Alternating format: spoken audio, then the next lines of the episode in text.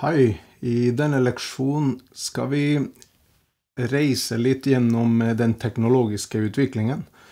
Rett og slett for å gi det litt perspektiv på hvor vi befinner oss i dag når vi snakker om digitalisering. Og det er greit å vite også noe om likheter og ulikheter med de prosessene og den utviklinga som har foregått siden før 1800-tallet.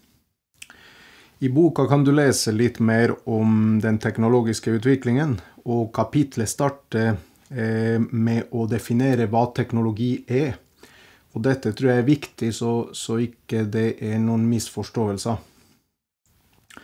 Hvis du ser i boka, så, så defineres, eller det henvises til Den store norske leksikon, som definerer teknologi i produksjonssammenheng eh, som fremgangsmåter og hjelpemidler som brukes for å omdanne et råstoff til ferdige produkter.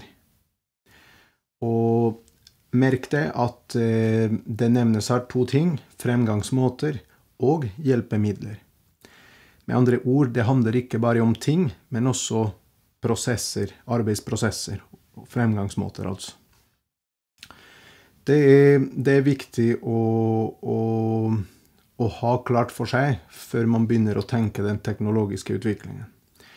Vanlig, eh, en vanlig misforståelse kan ofte være knytta til at eh, eh, når vi hører ordet teknologi, tenker eh, noen av oss kanskje på elektronikk, eh, robotikk, men det der er bare områder innafor teknologi.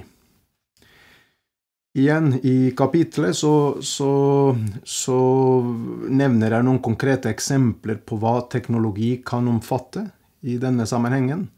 Og her ser du at det, er alt fra hvordan en frisør klipper hår på, Sakser i seg sjøl kan være en teknologi, en drill, måten en tømrer setter sammen en takstol på, kjemiske prosesser for å forsterke stål.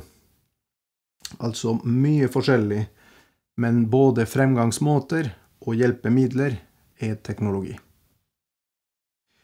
Eh, I boka finner du også en artig figur når vi begynner å snakke om teknologisk utvikling. Eh, bare for å illustrere at teknologi endrer seg, og, det er ikke helt eh, parallelt med hvordan mennesker utvikler seg. Mye av hvordan mennesker fungerer, ligger fast og har vært sånn i alle de årene, selv om teknologien endrer seg. Så når du har da lært om lederskap og ledelse, eh, så, så gjelder de tingene her uansett hvor mye teknologi og hvilken teknologi vi har i bedriften. Så kan vi begynne å, å tegne litt eh, de store linjene. Eh, den industrielle revolusjonen det er et fenomen som skiller litt samfunnet i tre perioder. Ehm, det første er det preindustrielle samfunnet før 1800-tallet. Og så har vi det industrielle samfunnet fra 1800 til 1950. Og så det postindustrielle samfunnet fra 1950 og utover. Og det er der vi egentlig er i dag. Ehm, men så er det noen som begynner å snakke om den fjerde industrielle revolusjonen. At vi nå begynner å bevege oss inn i en ny periode. Hvis vi da starter med det preindustrielle samfunnet for 1800-tallet, så var dette preget av direkte bearbeiding av råvarer i primærnæringene. Manuelt arbeid, altså håndverk, var hovedregel i all produksjon, og dette da fører til at produktiviteten var lav. Produktivitet er rett og slett hvor store ressurser som kreves for å produsere en enhet. Det er en enkel måte å si det på. Og, og da kan du tenke deg, når alt arbeid var manuelt, så, så sier det seg sjøl at eh, det går ikke an å produsere mange enheter eh, veldig fort. Men etter hvert begynte jordbruket å effektiviseres ved at det ble tatt i bruk nye metoder og nytt utstyr, altså ny teknologi. Eh, og dette var det som danna grunnlag for den industrielle revolusjonen. Så beveger vi oss da plutselig videre til perioden mellom 1800-tallet og 1950. Og, og, det var der den industrielle revolusjonen starta i deler av Storbritannia. Eh, hvor bønder, husmenn og landarbeidere ble erstattet av de nye maskinene i jordbruket. Og, og ble tvunget inn i industrien. Det, det oppsto da en kraftig befolkningsvekst i og rundt bysentra. Større tilgang på arbeidskraft kombinert med god kapitaltilgang og nye oppfinnelser som dampmaskin førte til en kraftig vekst i industrien. Og produktiviteten i fabrikkene økte gradvis. Og der ser vi at teknologi førte med andre ord, altså nye fremgangsmåter og nytt utstyr, førte til at med færre ressurser greide man å produsere flere enheter. Da øker produktiviteten. Eh, I denne perioden kom telegrafen, telefon og bilen som sentrale oppfinnelser. Og, og dette bidro til raskere kommunikasjon og transport. Og merk de to stikkordene kommunikasjon og transport, fordi mye av den teknologiske utviklinga har nemlig vært på de to områdene kommunikasjon og transport. Altså ny teknologi forbedrer kommunikasjonsmåter og transport av varer og mennesker. Det postindustrielle samfunnet var perioden etter 1950 og utover. Og i denne fasen av den teknologiske utviklingen begynner tertiærnæringene å få større plass. Og tertiærnæringene er rett og slett bedrifter som jobber med service og tjenester. I motsetning til primærnæringene som landbruk. Eh, stadig flere personer jobber med handel eller tjenesteytelser, og både jordbruk og industri, altså primær- og sekundærnæringa, blir mindre. Serviceyrker med kunnskap som den viktigste innsatsfaktor blir hovedregel.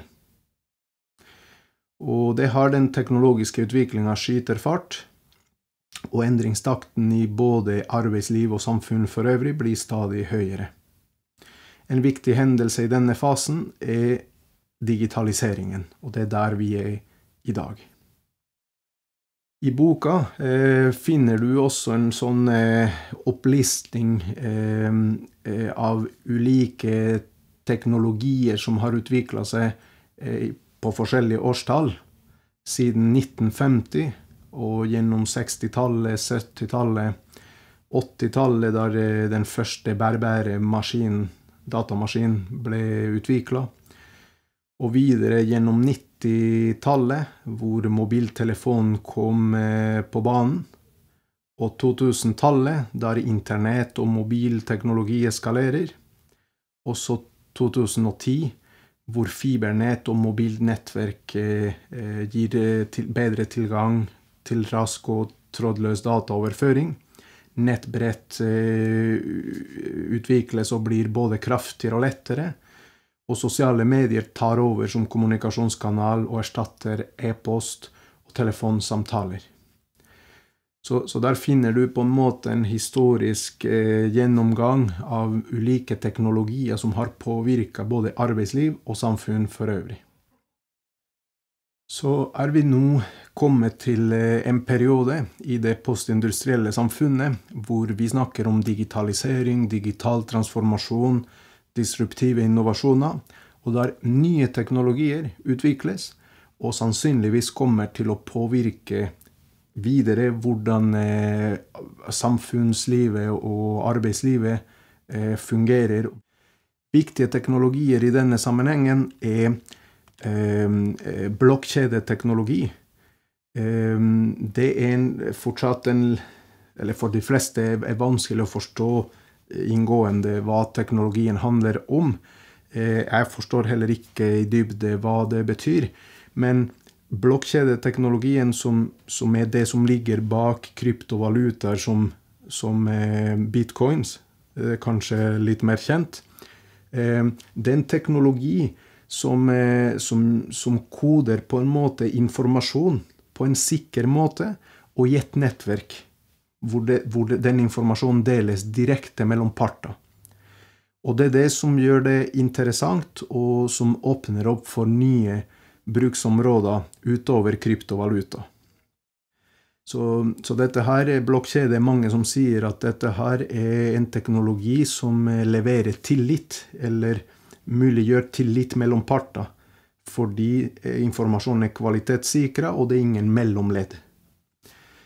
Så, så det er en, et eksempel på teknologi som kommer til å bli mer eh, relevant framover, og som sannsynligvis vil gi nye bruksområder. Robotikk er selvfølgelig eh, noe som har eksistert lenge, men nå begynner roboter å, å, prege mer og mer av det daglige livet. Alt fra robotstøvsuger til robotklipper. Men alle disse nye roboter um, er med på å muliggjøre eh, nye bruksområder. Både i samfunnslivet og i arbeidslivet. Robotisering har også kommet veldig langt, og robotene i dag eh, tilbyr allerede eh, muligheter som, som var science fiction for bare noen få år siden. Og utviklinga fortsetter, og i veldig høy fart. Så etter hvert så vil vi nok se flere og flere roboter som tar over både daglige gjøremål hjemme, men også gjøremål i arbeidslivet. Og det vil påvirke hva vi jobber med, og hvordan vi jobber.